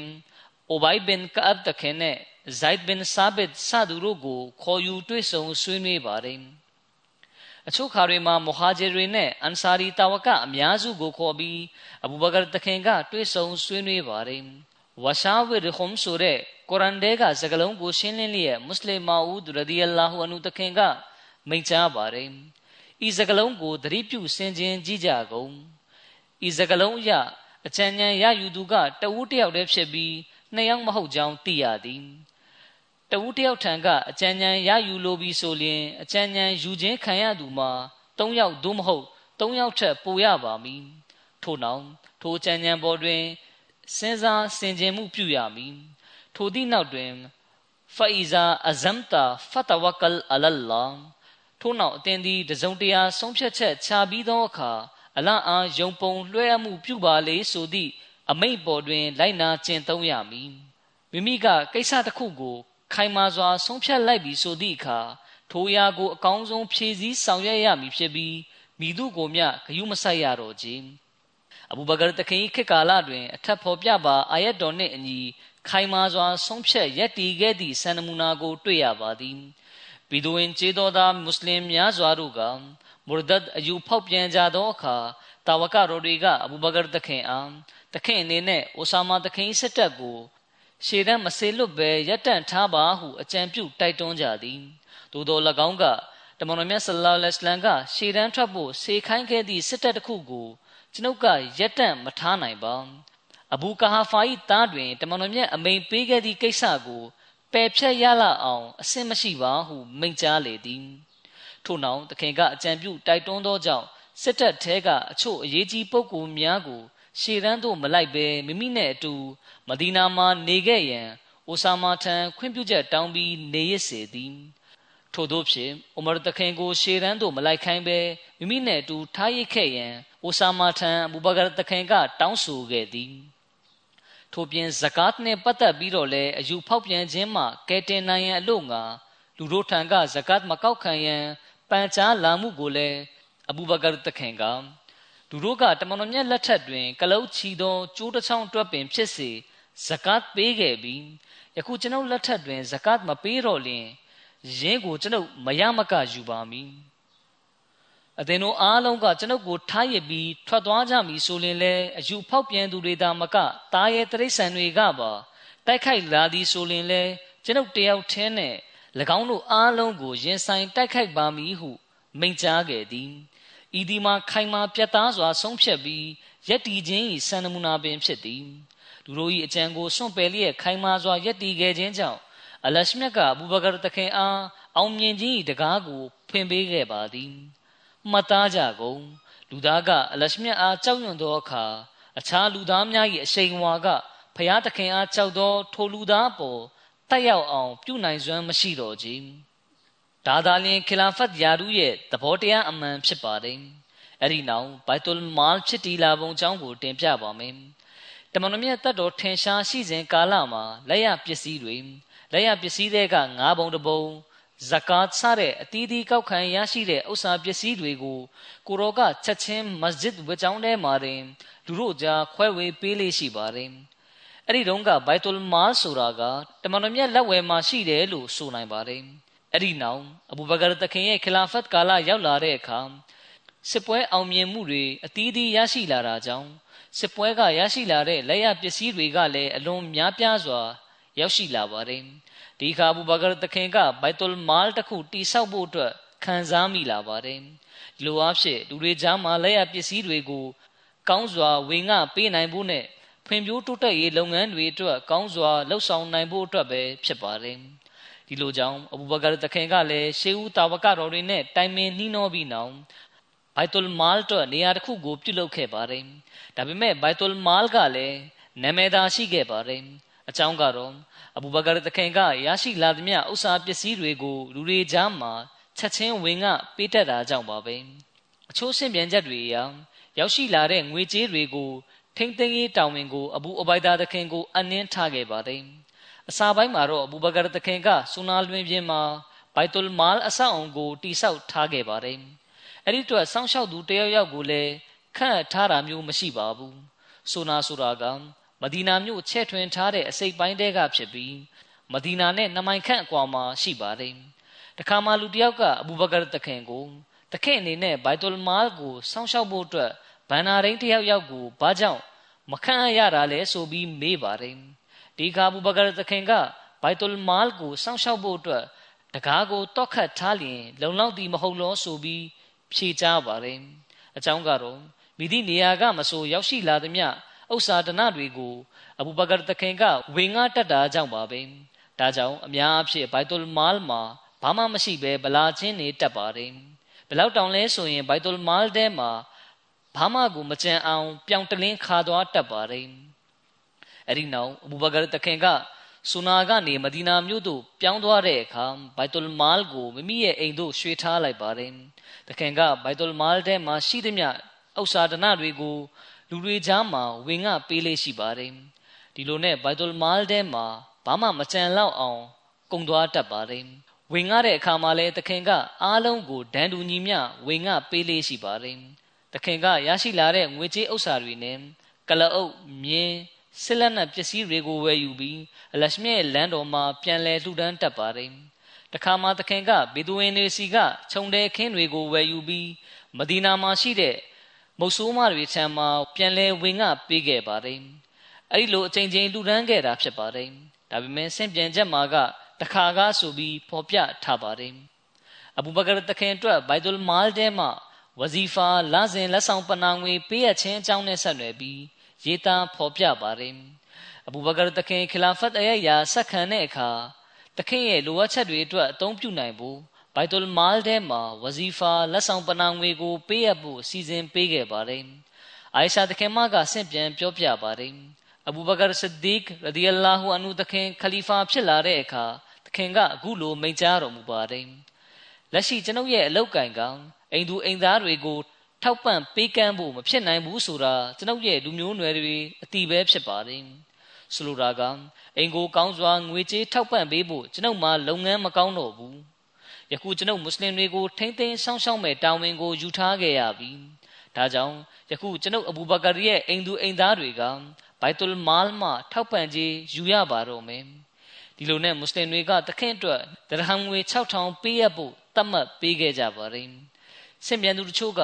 တခင်ကမိမိတို့လိုအပ်တဲ့အသုံးစိတ်ပမာဏလောက်ကိုသာလက်ခံခဲ့ကြောင်းဖော်ပြကြပါတယ်။တခင်ကမိမိမျိုးနွယ်ထံကထောက်ပံ့ခြင်းယူသောပထမဆုံးအစိုးရခေါင်းဆောင်တဦးဖြစ်ခဲ့ပါတယ်။အခြားဆင်ပြန်ချက်တစ်ခုမှာခုလိုလဲလာရှိပါတယ်။အဘူဘကာတခင်ခလီဖာဖြစ်လာပြီးနောက်မှာတနေ့၌တခင်ကဇေဘတ်တို့တွားနေပါတယ်။တခင်ကကုံတယ်အလုပ်လုပ်ခဲ့စဉ်ကအထယ်လိပ်တွေကိုပခုံးပေါ်မှာထမ်းပိုးလျက်ထွက်လာစဉ် ဥမာတခင်အဘူအိုဘိုင်ဒါဘင်ဂျရာတခင်တို့နဲ့ဆုံပါတယ်သူတို့နှစ်ဦးကအိုးအလားတမန်တော်ဤခလီဖာဘယ်သွားမလို့ပါလဲဟုမေးလျှောက်ရာအဘူဘကာတခင်ကဈေးသွားနေတာပါလို့ဖြေပါတယ်ဒီခါသူတို့နှစ်ဦးကတခင်ဘာသွားလို့မလို့ပါလဲတကယ်ဆိုတခင်ကမွတ်စလင်တွေရဲ့အရေးကိစ္စတွေကိုအုတ်ထင်းဆောင်းရှောက်နေသူတဦးဖြစ်ပါတယ်ဆိုပြီးပြောပါတယ်အဘူဘကာတခင်ကဒီလိုမှအလုံးမလုံးရင် ကျွန်ုပ်ရဲ့အိမ်သူအိမ်သားတွေကိုဘယ်လိုကျွေးမွေးနိုင်ပါမလဲဆိုပြီးမိန့်ကြားပါတယ်ဒီခါဥမရတခင်နဲ့အဘူအိုဘိုင်ဒါတခင်တို့ကအဘူဘကာတခင်ကိုခေါ်ဆောင်လျက်ကျွန်ုပ်တို့တခင်အတွက်ဝေစုတစ်ခုတတ်မှတ်ပေးပါမယ်ဆိုပြီးပြောပါတယ်ဒီလိုနဲ့အဘူဘကာတခင်အတွက်နှစ်စဉ်ဒရဟန်ငွေ3000ကိုဝဇီဖာလက်ဆောင်ငွေနေနဲ့တတ်မှတ်ပေးခဲ့ပါတယ်တချို့စင်ပြန်ချက်တွေမှာအထက်မှာတင်ပြခဲ့သလိုဒရဟမ်ငွေ6000လို့ဖော်ပြကြပါတယ်စင်ပြန်သူတချို့က သခင်ရဲ့ခလာဖတ်တောင်ဝင်ထမ်းဆောင်နေစဉ်တလျှောက်လုံးမှာဝဇီဖာလက်ဆောင်ငွေဖြစ်ပေးရခဲ့တဲ့ပမာဏကဒရဟမ်ငွေ6000ဖြစ်တယ်လို့ဆိုထားပါတယ်ထိုနည်းတူထေရုပတိကျမ်းတွေမှာဒီငွေပမာဏအတိုင်းသခင်ကရရှိခဲ့ခြင်းဖြစ်တယ်ဆိုပြီးတော့လေဖော်ပြကြပါတယ်အဘူဘကာသခင်ကဘိုက်တူလ်မာလ်မှာမိမိအတွက်ရောမိသားစုအတွက်ဝဇီဖာလက်ဆောင်ငွေယူခဲ့ပေမယ့်တခင်ကမိမိမကွယ်လွန်ခင်မှာဒီငွေတွေအားလုံးကိုပြန်ပေးခဲ့ပါတယ် ဒါနဲ့ဆက်နွယ်ပြီးဆင့်ပြန်ချက်တစ်ခုဖော်ပြလာရှိပါတယ်အဘူဘကာတခင်ကွယ်လွန်ချိန်နီးကပ်လာတဲ့အခါတခင်ကမိမိပိုင်မြေကွက်ကိုရောင်းချပြီးရရှိလာတဲ့ငွေပမာဏကိုဘိုက်တူလ်မာလ်မှမိမိအိမ်သုံးစိတ်အတွက်ယူခဲ့တဲ့ငွေတွေကိုပြန်ပေးလိုက်ပါဆိုပြီးမှားရန်ပြုခဲ့ပါတယ်နောက်ထပ်ဆင့်ပြန်ချက်တစ်ခုမှလည်းအခုလိုဖော်ပြလာရှိပါတယ်အဘူဘကာတခင်ကွယ်လွန်ချိန်နီးကပ်လာတဲ့အခါတခင်ကအိုင်ရှာတခင်မအောင်ကျွန်ုပ်ခလီဖာဖြစ်ချိန်ကတည်းက ကျွန်ုပ်လူမျိုးစုထံကဘာငွေကြေးထောက်ပံ့မှယူခဲ့ခြင်းမရှိပါတာမန်စားတော့ကိုသာစားသုံးခဲ့ပြီးတာမန်ရိုးရှင်းတဲ့အဝတ်ကိုပဲဝတ်ဆင်ခဲ့ပါတယ်ဒါပေမဲ့မွတ်စလင်တွေရဲ့ဥစ္စာပစ္စည်းတွေထဲကကြေးကျွန်တွေကလုံးနဲ့ခြုံတယ်တွေလောက်ကိုပဲယူခဲ့ပါတယ်ဒါကြောင့်ကျွန်ုပ်ကွယ်လွန်ပြီးနောက်ဒီဥစ္စာပစ္စည်းတွေအားလုံးကိုအိုမာထန်လွှဲအပ်ပေးလိုက်ပါဆိုပြီးမှာရန်ပြုပါတယ်အိုင်ရှာသခင်မကပြောပြပါတယ် တခင်ကွယ်လွန်ပြီးနောက်မှာဒီဥစ္စာပစ္စည်းတွေအားလုံးကိုကျမဥမာတခင်ထံအနံလိုက်ပါတယ်ဒီပစ္စည်းတွေကိုမြင်တဲ့အခါဥမာတခင်ကငိုကြွေးပါတော့တယ်ဘယ်လောက်တောင်လဲဆိုရင်တခင်မျက်ရည်တွေကမြေကြီးပေါ်ကျလာပါတော့တယ်ဥမာတခင်ကချိန်ပန်းများစွာအလရှမြတ်အဘူဘကာတခင်ကိုတနာကျင်နာတော်မူပါစေတခင်ကမိမိကွယ်လွန်ပြီးနောက်ကြံရှိသူတွေကိုအခက်ခဲတဲ့ထဲသွင်းလိုက်ပြီးဆိုပြီးရေရွတ်နေပါတော့တယ် အဘူဘကာတခင်ကွယ်လွန်ပြီးနောက်မှာဥမာတခင်ကတာဝကတော်တွေကိုဆင့်ခေါ်လျက်ဘိုက်တူလ်မာလ်ကိုစစ်ဆေးကြည့်ပါတယ်ဥမာတခင်ကဘိုက်တူလ်မာလ်ထဲမှာတရဟငွေတပြားတစ်ချက်ပင်ကြံမနေတာကိုတွေ့လိုက်ရပါတယ်အကြောင်းကတော့အဘူဘကာတခင်ကမိမိတက်ရှိထင်ရှားရှိစဉ်မှာဗန္နာငွေအားလုံးကိုဝေငှပေးလိုက်ခြင်းဖြစ်ပါတယ်အဘူဘကာတခင်ကတရားရေးဌာနကိုလည်းဖွဲ့စည်းပေးခဲ့ပါတယ်အဘူဘကာတခင်ရဲ့လက်ထက်မှာတော့ အမြဲတမ်းအတွက်တရားရေးဌာနတစ်ခုအနေနဲ့တော့သတ်မှတ်ခဲ့ခြင်းမရှိပါဘူးဒါပေမဲ့အဘူဘကာတခင်ကတရားရေးဌာနအတွက်စီမံလုပ်ပိုင်ခွင့်ကိုအိုမာတခင်ထံအနှင်းခဲ့ပါတယ်ဆင့်ပြန်ချက်တစ်ခုမှာဖော်ပြလာရှိပါတယ်အဘူဘကာတခင်ခလီဖာဖြစ်လာတဲ့အခါအိုမာတခင်ကကျွန်ုပ်တခင်ထံကတရားရေးဆိုင်ရာကိစ္စများကိုကြီးကြပ်ထမ်းဆောင်ပေးပါမယ်ဆိုပြီးတောင်းဆိုခဲ့ပါတယ်။ဥမာတခင်ကတနစ်တိုင်ဆောင်ဆိုင်နေခဲ့ပေမယ့် ဘသူကမှတခင်ထံတိုင်ချက်ဖွင့်လာတာမျိုးမရှိပါဘူး။အချင်းများမှုတွေလည်းမရှိတာကြောင့်ဖြစ်เสียပြဿနာကလည်းမရှိခဲ့ပါဘူး။တရက်ခွင်မှာရင်ဆိုင်ရလောက်တဲ့အမှုခင်းတွေလည်းမရှိသလောက်နည်းပါတယ်။တကယ်လို့အသေးဖွဲရေးကိစ္စပေါ်လာတယ်ဆိုရင်လည်းအဘူဘကာတခင်ကိုယ်တိုင်ကပဲဖြည့်ရှင်းပေးလိုက်ပါတယ်။တရားရေးဌာနအတွက်ခုံတမာတိအနေနဲ့အိုမာတခင်ကကြီးမှုဆောင်ရွက်ပြီးတခင်ကိုအကူအညီပေးဖို့အတွက်အောက်ပါပုဂ္ဂိုလ်တွေကိုခန့်အပ်ခဲ့ပါတယ်။ အဲ့ဒီထဲမှာအလီတခင်မအာဇ်ဘင်ဂျဘလ်တခင်အိုဘိုက်ဘင်ကာဘ်တခင်ဇိုက်ဘင်ဆာဘစ်တခင်အဗ်ဒူလာဘင်မဆူတခင်စသူတို့ဖြစ်ပါတယ်။ဥမာတခင်ကဆင့်ပြန်ပါတယ်။အဲ့ဒီခေတ်တုန်းကလူတွေဟာရိုးသားမှုရှိကြပြီးအေဂျန်တာယာတဲ့အခြေအနေမှာရှိခဲ့ပါတယ်။လတွေကုံဆုံးသွားခဲ့ပြီမယ်။တဦးတယောက်မှအဆုံးဖြတ်ယူဖို့ရောက်မလာကြပါဘူး။ဓမ္မတက်ရေးရာအဖွဲ့ဖွဲ့စည်းပေးခြင်းအကြောင်းနဲ့ပတ်သက်ပြီးဖော်ပြလာရှိပါတယ်။ အဘူဘကာတခင်ရဲ့လက်ထက်မှာလူမျိုးနွယ်အသီးသီးမှလူပုဂ္ဂိုလ်များစွာကအစ္စလာမ်တွင်ဝင်ရောက်လာကြပါတယ်။လူတွေဝင်ရောက်လာတာနဲ့အမျှဆောင်းရံရှောင်းရံကိစ္စတွေနဲ့ပတ်သက်ပြီးအမြင်မတူမှုတွေ၊ကွဲပြားမှုတွေပေါ်ပေါက်လာပါတယ်။ဒီအတွက်ကြောင့်အဘူဘကာတခင်ကတာမန်မွတ်စလင်တွေလွယ်ကူတတ်တာမှုဖြစ်စေဖို့နဲ့သူတို့ကိုလမ်းညွှန်နိုင်ဖို့အတွက်ဓမ္မတက်ရေးရာဌာနကိုဖွဲ့စည်းခဲ့ပါတယ်။အဲ့ဒီထဲမှာဥမာတခင်၊ဥစမန်တခင်၊ အလီတခင်၊အဗ်ဒူရဟ်မန်ဘင်အော့ဖ်တခင်၊အိုဘိုက်ဘင်ကပ်တခင်၊မာဇ်ဘင်ဂျဘလ်တခင်နဲ့ဇိုက်ဘင်ဆာဘစ်တခင်ကိုဖတ်တဝါဓမ္မတက်ထုတ်ပြန်ဖို့အတွက်တာဝန်ပေးရခဲ့ပါတယ်။အကြောင်းကတော့အဆိုပါပုဂ္ဂိုလ်တွေကသာသနာအသိပညာတွင်တခြားသူများထက်တာလွန်တဲ့အဆင့်မှာရှိနေတာကြောင့်ဖြစ်ပါတယ်။စင်ပြန်ချက်တစ်ခုအရအဗ္ဒူလာဘင်မဆူတခင်ကဖတ်တဝါဓမ္မတက်ထုတ်ပြန်ပေးတဲ့အဲမှာတဦးပါဝင်ဖြစ်ပါတယ်။ အဆိုပါပုဂ္ဂိုလ်တွေကလွဲပြီးဘသူကမှဖတ်တဝါဓမ္မတက်ထုတ်ပြန်ပိုင်ခွင့်မရှိပါဘူး။ရေးသားမတန်းပြုအဖွဲ့ကိုဖွဲ့စည်းခြင်းနဲ့ဆက်နွယ်ပြီးတမိုင်းကျမ်းပြုဆရာတဦးကရေးပါတယ်။ခေတ်သစ်ဝေါ်ဟာရအရာရေးသားမတန်းတင်သူကိုအစိုးရရဲ့အတွင်းဝင်လို့ခေါ်ရမယ်ဆိုပြီးသတ်မှတ်ခဲ့ပါတယ်။အဘူဘကာတခင်ရဲ့ခလာဖတ်ကာလမှာစီမံခန့်ခွဲရေးအဖွဲ့ရဲ့လို့တည်တံ့ဖွဲ့စည်းခဲ့ခြင်းမရှိသေးပါဘူး။ဒါပေမဲ့ အစိုးရပိုင်းရုံးစာတွေဂရီစာချုပ်တွေနဲ့တခြားပြန်စာတွေရေးသားဖို့အတွက်လူပုဂ္ဂိုလ်အချို့ကိုခန့်အပ်ထားပါတယ်။တမန်တော်မြတ်ဆလ္လာလဟ်အလัยဟိတတ်တော်ထင်ရှားရှိစဉ်မှာကတည်းကရေးသားမှတ်တမ်းတင်သူအနေနဲ့အဗ်ဒူလာဘင်အာကမ်တခင်ကိုခန့်အပ်ခဲ့ပါတယ်။အဘူဘကာတခင်ရဲ့ခလာဖတ်ကာလမှာလည်းအဗ္ဒူလာဘင်အာကန်တခင်ကိုပဲဒီတာဝန်ကိုအနှင်းခဲ့ပါတယ်။တချို့ဆင့်ပြန်ချက်တွေအရအဘူဘကာတခင်ရဲ့ခလာဖတ်ကာလမှာဇိုက်ဘင်ဆာဘစ်တခင်က ရေးသားမှတ်တမ်းတင်တဲ့တာဝန်ကိုထမ်းဆောင်ခဲ့ကြောင်းသိရပါတယ်။တချို့ခါတွေမှာတာဝကတော်တွေဖြစ်ကြတဲ့အလီတခင်နဲ့ဥစမန်တခင်တို့ကလည်းဒီတာဝန်ကိုထမ်းဆောင်ပါတယ်။စစ်တပ်ဖွဲ့စည်းခြင်းနဲ့ဆက်နွယ်ပြီးရေးသားဖော်ပြပါတယ်။အဘူဘကာတခင်ရဲ့ခလာဖတ်ကာလမှာအမြဲတမ်းစစ်တပ်ရဲလို့အတီတကျဖွဲ့စည်းထားခြင်းမရှိသေးပါဘူးဂျီဟတ်ဆင်နွဲဖို့ကြုံလာတဲ့အခါတိုင်းမွတ်စလင်တွေအားလုံးကစစ်တီတွေအနေနဲ့တိုက်ပွဲဝင်ကြပါတယ် လူမျိုးနွယ်အလိုက်စစ်တပ်အသီးသီးကိုခွဲခြားတတ်မှတ်ပါတယ်လူမျိုးနွယ်တိုင်းအတွက်စစ်ကောင်းဆောင်ကတဦးစီရှိပြီးအဲ့ဒီလူမျိုးနွယ်အားလုံးရဲ့စစ်ကောင်းဆောင်တွေကိုကြီးကြပ်လမ်းညွန်တဲ့ခေါင်းဆောင်တဦးကိုလည်းအဘူဘကာတခင်ကခန့်အပ်ထားခဲ့ပါတယ်အဘူဘကာတခင်ကရရှိလာသမျှဝင်ငွေတဲကတစိမ့်တသေးတာကိုစစ်လက်နက်သုံးဆောင်ပစ္စည်းတွေဝယ်ယူဖို့အတွက်တီးခြားဖယ်ထားခဲ့ပါတယ်။ဒီငွေတွေအားဖြင့်စစ်လက်နက်ပစ္စည်းတွေ အစည်းနှင်းဖြင့်အသုံးပြုဖို့မြင်းကလုတ်တွေကိုဝယ်ယူပါတယ်။ဒါပြင်စစ်ပွဲမှာအသုံးပြုဖို့စစ်မြင်းတွေနဲ့ကလုတ်တွေကိုမွေးမြူဖို့အတွက်စကြက်တစ်ခုကိုလည်းစီစဉ်ခဲ့ပါတယ်။ထေရုပတိကျမ်းရှင်တဦးကရေးပါတယ်။အဘူဘကာတခင်ရဲ့စေအုပ်ချုပ်မှုစနစ်ကတမန်တော်မြတ်ဆလ္လာလဟ်အလัยဟိဝါစလမ်မတိုင်ခင်ကအရဗ်ရှိဘေဒိုဝင်များကျင့်သုံးလေးရှိတဲ့အုပ်ချုပ်မှုစနစ်နဲ့နှီးစပ်မှုရှိပါတယ်။ အဲ့ဒီချိန်မှာအစ္စလမ်အစိုးရထံမှာအမြဲတမ်းစစ်သည်တွေရဲ့လို့စနစ်တကျဖွဲ့စည်းထားခြင်းမရှိသေးပါဘူး။အဲ့ဒီတုန်းကစစ်သည်တွေကမိမိတို့တက်ဆွမ်းသလောက်စစ်ပွဲမှာပါဝင်တိုက်ခိုက်ခဲ့ကြပါတယ်။စစ်တမ်းကြားပြီးဆိုတာနဲ့လူမျိုးနွယ်အသီးသီးကလက်နက်ကိုစီဆွဲကင်လျက်ထွက်ခွာကြကရန်သူတွေကိုထိုးခုတ်တိုက်ခိုက်ပါတော့တယ်။စစ်သည်တွေကလက်နက်အကူအညီယူဖို့အတွက်လည်းစစ်ဌာနချုပ်ကိုမတွားကြပဲကိုယ်တိုင်ကိုကြလက်နက်တွေကိုစီမံထုတ်လုပ်ပါတယ်။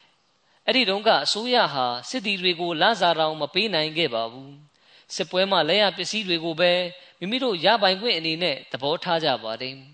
စစ်ပွဲမှာရရှိလာတဲ့လက်ရပစ္စည်းတွေထဲက၅ပုံ၄ပုံကိုစစ်ပွဲထဲပါဝင်လာသူတွေအတွင်းမှာခွဲဝေပေးပြီးကျန်တဲ့ပုံကိုဘိုက်တူလ်မာလ်ထဲမှာစူးစီးနိုင်ဖို့ခလီဖာထံကို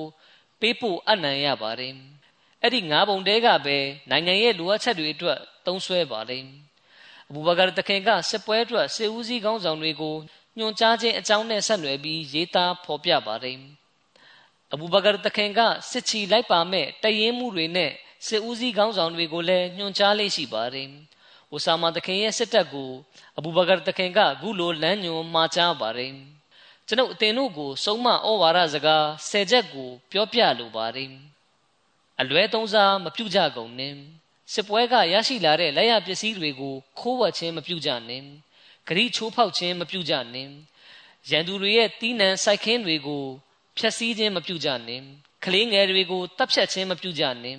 တက်ကြီးရွယ်ဦးနှင့်အမျိုးသမီးတွေကိုတပ်ဖြတ်ခြင်းမပြုကြနှင့်စွန်ပလွန်ပင်တွေကိုခုတ်ဖြတ်ပစ်ခြင်းမီးရှို့ခြင်းမပြုကြနှင့်အတီးတီးတဲ့ဘဲတစ်ပင်ကိုမှ ခုတ်လဲခြင်းမပြုကြနှင့်စားသုံးဖို့ကလွဲပြီးမိသည့်စိတ်ကလုတ် နွားစတဲ့သားကောင်တွေကိုတပ်ဖြတ်ခြင်းမပြုကြနှင့်ချက်ကြောင်းတော်အတွက်ဘဝဆွန့်လူထားကြတဲ့ခရိယန်ဘုန်းကြီးတွေနဲ့တွေ့ရင်သူတို့ကိုအနောက်ရှက်မပြုတ်ပဲထွက်ခွာသွားလိုက်ကြပါအမျိုးမျိုးသော စားဖွယ်တွေကိုပကံခွက်ရောက်တွေနဲ့တဲခင်းကျွေးမွေးသူတွေနဲ့တွေ့တဲ့အခါအလရှမဲရဲ့နံပါတ်တော်ကိုရွတ်ဆိုတတလျက်စားတောက်လိုက်ကြပါဥကောင်းမှသပင်ကိုအလဲတွင်ရိတ်ထားပြီးဘေးပပတ်လည်းမရိတ်ထားသူများနဲ့တွေ့လျင် သူတို့ကိုဓာဖြစ်တိုက်ခိုက်ကြပါဘာကြောင့်လဲဆိုရင်အဲ့ဒီလူတွေကမွတ်စလင်တွေနဲ့စစ်ဆင်နွဲဖို့လူတွေကိုတွေးထိုးလှုံ့ဆော်ပေးနေတာကြောင့်ပါပဲအလရှမဲနံပါတ်တော်ကိုရွတ်ဆိုတတလျက်ထွက်ခွာကြလေကုန်အလရှမြတ်အသင်တို့ကိုဒဏ်ရာအနာတရားဖြစ်ခြင်းမှ၎င်းယောဂဝေဒနာများမှ၎င်းပလိယောဂမှ၎င်းကာကွယ်ဆောင်ရှောက်တော်မူပါစေထိုနည်းတူဘူဘကာတခင်ကယဇီဒ်ဘင်အဘူဆူဖီယန်ကိုစီးရီးယားဘက်သို့စစ်ချီထွက်ခွာဖို့အမိန်ပေးလျက် ကုလိုမိန့်ကြားပါတယ်ဒီကြောင်းကိုယခင်ခွတ်ဘာတွေမှာလည်းတင်ပြခဲ့ပြီးဖြစ်ပါတယ်ယခုအဲ့ဒီထဲကတချို့အကြောင်းအရာတွေကိုအနှစ်ချုပ်တင်ပြပါမယ်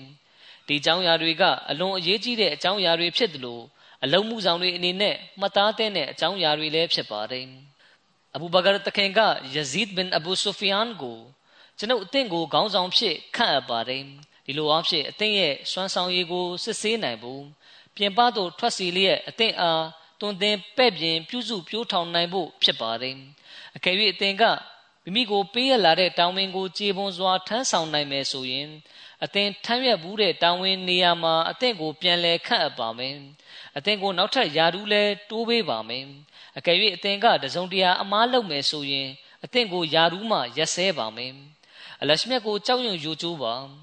အလရှမြတ်ကအသင်ရဲ့အတွင်းပိုင်းအားအပြင်ပိုင်းကိုကြည်မြင်သလိုကြည်မြင်လျက်ရှိတော်မူပါတယ် သူတို့နဲ့အလရှမြတ်နဲ့အနီးဆုံးလူမှာအရှင်နဲ့မိတ်ဆွေဖွဲ့ရာမှာအားလုံးထပ်ပိုးပြီးအရှင်တောင်ဝင်ကိုကြေပွန်စွာထမ်းဆောင်သူဖြစ်တယ်။ဒါပြင်သူတို့နဲ့အရှင်မြတ်နဲ့အနီးဆုံးလူမှာအားလုံးထပ်ပိုးပြီးအရှင်နဲ့နီးအောင်ကြိုးပမ်းအားထုတ်သူပဲဖြစ်ပါတယ်။ဒီနောက်အဘူဘကာတခင်ကအခုလိုဆက်လက်မိန့်ကြားပါတယ်။မိုင်မဲခြင်းတယူတန်ခြင်းတို့မှရှောင်ခြင်းပါအလရှမြတ်ကအဲ့ဒီလိုပြုမှုခြင်းကိုအလွန်မနစ်မမြုပ်ဖြစ်တော်မူတယ်။ အသင်ကမိမိစစ်တပ်ရှိရာသို့ရောက်ပြီးဆိုရင်စစ်သည်တို့ကိုကောင်းမွန်စွာဆက်ဆံပါသူတို့ကိုကောင်းခြင်းတွေရရှိပိုင်ဆိုင်မဲ့အကြောင်းဂရီပေးပါသူတို့ကိုဟောပြောပို့ချမှုပြုတယ်ဆိုရင် အတူကျုပ်သာပို့ချပါဘာကြောင့်လဲဆိုရင် များစွာဟောပြောပို့ချခြင်းကအကြောင်းအရာအတော်များများကိုမေ့သွားစေတာကြောင့်ပါပဲအသင်မိမိစိတ်ကိုတဲ့မအောင်ထားပါဒီလိုဆိုရင်လူတွေကလည်းအသင်ကိုကြည့်ပြီးတဲ့မှတ်သွားကြပါလိမ့်မယ် ခေါင်းဆောင်တွေနဲ့အလုံးမှုဆောင်တွေကမိမိတို့စိတ်ကိုတဲမှအောင်ထားမယ်ဆိုရင်ကျန်တဲ့ဂျမတ်ဖွဲ့ဝင်တွေကလည်းတဲမှတ်လာကြပါလိမ့်မယ်နမတ်တွေကိုအချိန်နဲ့တကွဝတ်ပြုကြပါနမတ်ဝတ်ပြုတဲ့အခါမှာလည်းကျိုးနုံနှိမ့်ချလျက်စိတ်ပါဝင်စားစွာဝတ်ပြုပါရန်သူဘက်ကတန်တမန်အသင်ထံရောက်လာပြီဆိုရင် သူ့ကိုတလေးတစားဆက်ဆံပါသူအားအသင်တို့ထံတွင်အချိန်နှဲငယ်သာနေစေပါ ကိစ္စပြီးရင်မြ мян ဆန်းဆန်းပြန်သွားစီပါဒီလိုအဖြစ်သူဟာအတင်တို့ရဲ့စစ်တပ်အကြောင်းကိုလုံးဝမသိရှိစေဖို့ဖြစ်ပါတယ်သူအားမိမိတို့လှုပ်ဆောင်ရမယ့်အစီအစဉ်တွေကိုအတိမပေးပါနဲ့စကားပြောရင်အတူချုပ်သာပြောပါ အသင်တို့ရဲ့စစ်တီတွေကိုရန်သူရန်သူတန်တမန်နဲ့စကားမပြောမိအောင်ထိမ့်ချုပ်ထားပါအသင်ကတန်တမန်နဲ့စကားပြောပြီးဆိုရင်မိမိတို့ရဲ့လျှို့ဝှက်ချက်ကိုမဖော်ထုတ်မိပါစေနဲ့သို့မဟုတ်ပါကအသင်တို့ရဲ့အစီအမံတွေအရာမထင်ဖြစ်သွားပါလိမ့်မယ် အသင်ကတစုံတဦးထံကအကြံဉာဏ်ရယူပြီးဆိုရင်မိမိယူမဲ့အကြံဉာဏ်နဲ့ဆိုင်တဲ့အကြောင်းအချက်တွေကိုမှန်ကန်စွာပြောပြပါဒီလိုမှသာမှန်ကန်တဲ့အကြံဉာဏ်ကိုရရှိပါလိမ့်မယ်တစုံတဦးထံကအကြံဉာဏ်ယူပြီးဆိုရင်၎င်းအားမထိတ်မချန်ပဲအသေးစိတ်ပြောပြပြီးအကြံဉာဏ်ရယူပါဒီလိုမှသာသင်တို့ဟာထိခိုက်ဆုံးရှုံးမှုနဲပါလိမ့်မှာဖြစ်ပါတယ်စစ်ဦးစီးကောင်းဆောင်တွေ စစ်တီတွေတရင်မှုတွေအနေနဲ့သတင်းချက်လက်တွေကိုဘယ်လိုရယူမလဲဆိုတာနဲ့ပတ်သက်ပြီးအဘူဘကာတခင်ကလမ်းညွှန်မိန့်ကြားပါတယ်ညဘက်တွေမှာမိမိတို့မိတ်ဆွေစစ်တီတွေနဲ့စကားစမြည်ပြောပါဒီလိုဆိုရင်သင်တို့ဟာသတင်းချက်လက်များစွာကိုရရှိပါလိမ့်မယ်ဒါပြင်ဖုံးကွယ်နေတဲ့အကြောင်းကိစ္စတွေကအသင်တို့ထံထင်ရှားပေါ်လွင်လာပါလိမ့်မယ်သူတို့ကိုအတိမပေးဘဲရှောင်းတခင်ဝင်ရောက်စစ်ဆေးမှုတွေပြုလုပ်ပါ မိမိစစ်တပ်ကိုကြီးကြပ်ကုကဲဖို့ကလည်းအလွန်အရေးကြီးတဲ့အလုပ်တစ်ခုဖြစ်ပါတယ်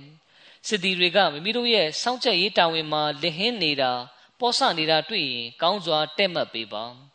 အဘူဘကာတခင်ကဆက်လက်မိန့်ကြားပါတယ်ပြစ်ဒဏ်ခတ်ရာတွင်အလင်းလိုတာမျိုးမပြုတ်လောက်ရမှာဖြစ်တယ်လို့မျက်ွယ်ပြုတ်လိုက်တာမျိုးလည်းမလုပ်ပါနဲ့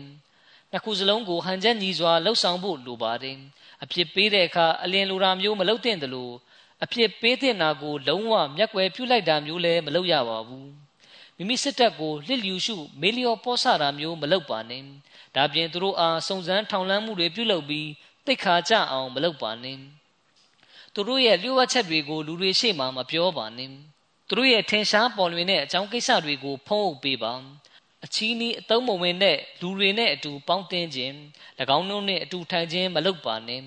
မှန်ကန်၍တစ္ဆာရှိသူများနဲ့အတူထိုင်ပါသူတို့နဲ့ပေါင်းတင်ပါတတိကြောင့်သူမဖြစ်စေနဲ့သို့မဟုတ်ပါကအသက်စစ်သည်တွေကလည်းတတိကြောင့်သူတွေဖြစ်သွားကြလိမ့်မယ်လက်ရပစ္စည်းတွေကိုအလွဲသုံးစားပြုခြင်းမှရှောင်ကျဉ်ပါထို့သောပြုလုပ်ခြင်းကဆင်းရဲခြင်းနဲ့နီးစပ်သွားစေလိမ့်မယ်အောင်မြင်မှုကိုဟန်တားလိမ့်မယ်မိမိတို့ကိုယ်ကိုဖះเจ้าကံတွေမှာဆွန့်လွတ်လူဒန်းပြီးတရင်သုံးနေထိုင်လျက်ရှိကြသူတွေကို တွေ့ကြလိမ့်မယ် သူတို့အားသူတို့နှိမ့်မြုပ်ထားသောကိစ္စမှသာရှိပါစေသူတို့ကိုဘာမှမလုပ်ပါနဲ့ခလီဖာသခင်ကြီးမိန့်ကြားတော်မူပါတယ်ယခုကျွန်တော်တင်ပြခဲ့တဲ့အချက်လက်တွေကစစ်သည်တွေနဲ့စစ်ဦးစီးခေါင်းဆောင်တွေတောင်မကကျွန်တော်တို့ရဲ့အလုံးမှုဆောင်တွေကလည်းလိုက်နာကျင့်သုံးဖို့လိုပါတယ်ဒီချက်တွေကိုသတိထားလှုပ်ဆောင်ရပါမယ်ဒီလိုမှပဲကျွန်တော်တို့လုပ်တဲ့အလုပ်တွေမှာဘာရကတ်ကောင်းကြီးမင်္ဂလာရှိနိုင်ပါလိမ့်မယ်ဒီနေရာမှာဒီအကြောင်းအရာကိုနောက်တစ်ခါပြန်လဲတင်ပြရခြင်းကအ လုံးမှုဆောင်တွေအနေနဲ့မှတ်မိနေစေဖို့အတွက်ပဲဖြစ်ပါတယ်ဒေသအသီးသီးမှာအစ္စလမ်အစိုးရတွေကိုပိုင်းခြားခန့်အပ်ခြင်းအကြောင်းနဲ့ဆက်နွယ်ပြီးရေးသားဖော်ပြပါတယ်အဘူဘကာတခင်ရဲ့ခလာဖတ်ကာလမှာဒေသအသီးသီးမှာအစ္စလမ်အစိုးရတွေကိုဖြန့်ကျက်ခန့်အပ်ခဲ့ပါတယ်။တခင်ကဒေသတစ်ခုချင်းစီမှာအကြီးအကဲခေါင်းဆောင်တွေနဲ့အုပ်ချုပ်ရေးမှူးတွေကိုခန့်အပ်ခဲ့ပါတယ်။မဒီနာမြို့ကိုခလာဖတ်ယုံဌာနချုပ်အဖြစ်သတ်မှတ်ခဲ့ပြီးအဘူဘကာတခင်က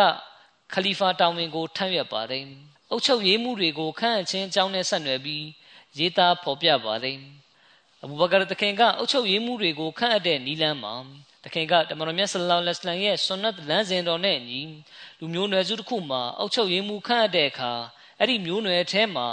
ဘာသာတရားကိုင်းဆိုင်သူကောင်းမှုကျင့်ကြံသူရှိတယ်ဆိုရင်အဲ့ဒီထဲကမှအသင့်တော်ဆုံးသူကိုအုပ်ချုပ်ရေးမှူးဖြစ်ရွေးချယ်ခန့်အပ်ပါတယ်။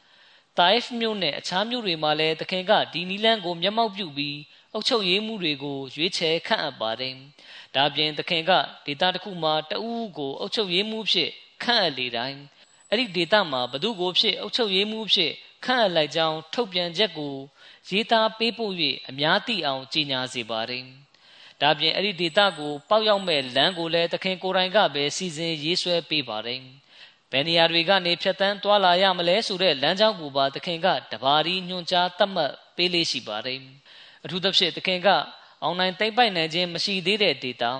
ခလာဖတ်ရဲ့အုတ်ထိန်ကိုကဲမှုအတွင်းမှာရှိမနေတဲ့ဒေတာတွေဘက်ကိုထွက်ခွာတဲ့အခါဒီတိုင်းညွှန်ကြားလေးရှိပါတယ်။စီးရီးယား၊အီရတ်နဲ့အယူဖောက်ပြန်သူတွေနဲ့ဆင်နွှဲတဲ့စစ်ပွဲတွေမှာဒီနီလန်အတိုင်းကျင့်သုံးမှုကိုအထင်ရှားမြင်တွေ့နိုင်ပါတယ်။တချို့ခါတွေမှာသခင်က ဒေတာတစ်ခုနဲ့တစ်ခုကိုချိတ်ဆက်ပေးခဲ့ပါတယ်။အထူးသဖြင့်အယူဖောက်ပြန်သူတွေကို